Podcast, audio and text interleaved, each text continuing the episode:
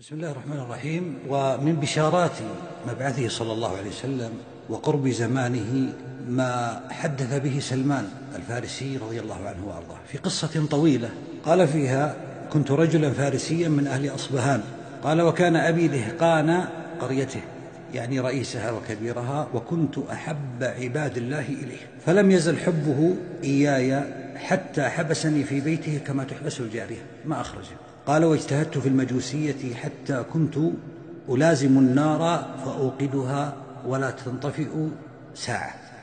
قال وكانت لأبي ضيعة عظيمة مزرعة. فقال لسلمان إني قد انشغلت عنها فذهب إليها وانظر أمورها ولا تتغيب وتتأخر عني. قال فخرجت إليها ومررت بكنيسة من كنائس النصارى فسمعت أصواتهم وهم يصلون. قال وكنت لا أدري ما هي أمور الناس ولا أحوالها. قال فقلت والله هذا خير مما أنا فيه أي من المجوسية فما تركتهم وتركت ضيعة أبي. ما عاد ذهب إلى المزرعة. قال ثم سألتهم كيف أصل إلى هذا؟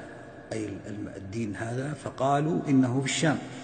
قال فعدت إلى البيت وأخبرت أبي فجعل في رجلي قيدا ثم حبسني في بيته. قال وأرسلت إلى النصارى. إذا قدم عليكم ركب من الشام فأخبروني بهم حتى يرجع معهم نوى الهجرة إلى الشام. قال فأخبروني فركبت معهم. قال فقدمت إلى الشام وسألت من أفضل أهل هذا الدين علما فدلوني على رجل وكان رجل سوء يأمر بالصدقة ويرغب الناس فإذا أعطوه جمعها ووضعها في قلال وفي سلال وخبأها. قال فكرهته.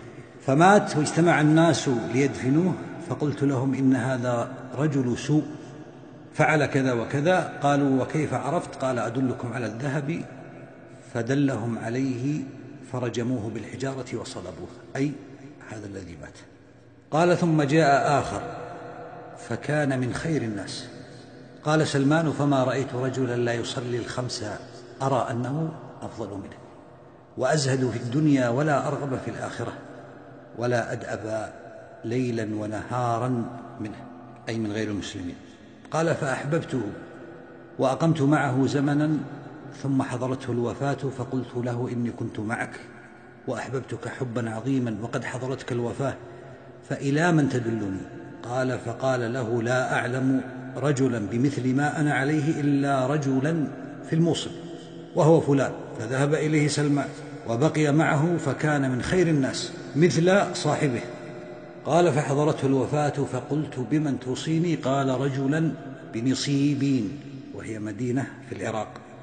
قال فلما مات وغيب لحقت بالرجل الذي أوصاني به في نصيبين. قال فأخبرته بخبري وأقمت عنده وكان ذا خير كصاحبيه. فنزل به الموت فقلت له بمن توصيني بعدك؟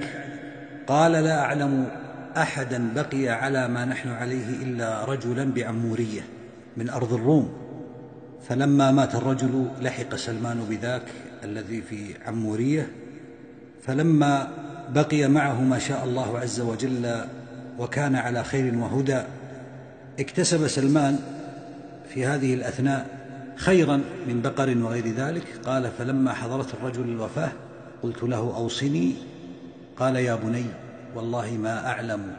أصبح أحد على مثل ما كنا عليه من الناس آمرك أن تأتيه.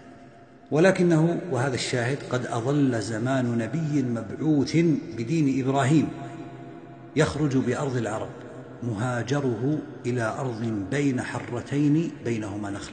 به علامات لا تخفى. يأكل الهدية هذه الأولى ولا يأكل الصدقة وهذه الثانية. بين كتفيه خاتم النبوة.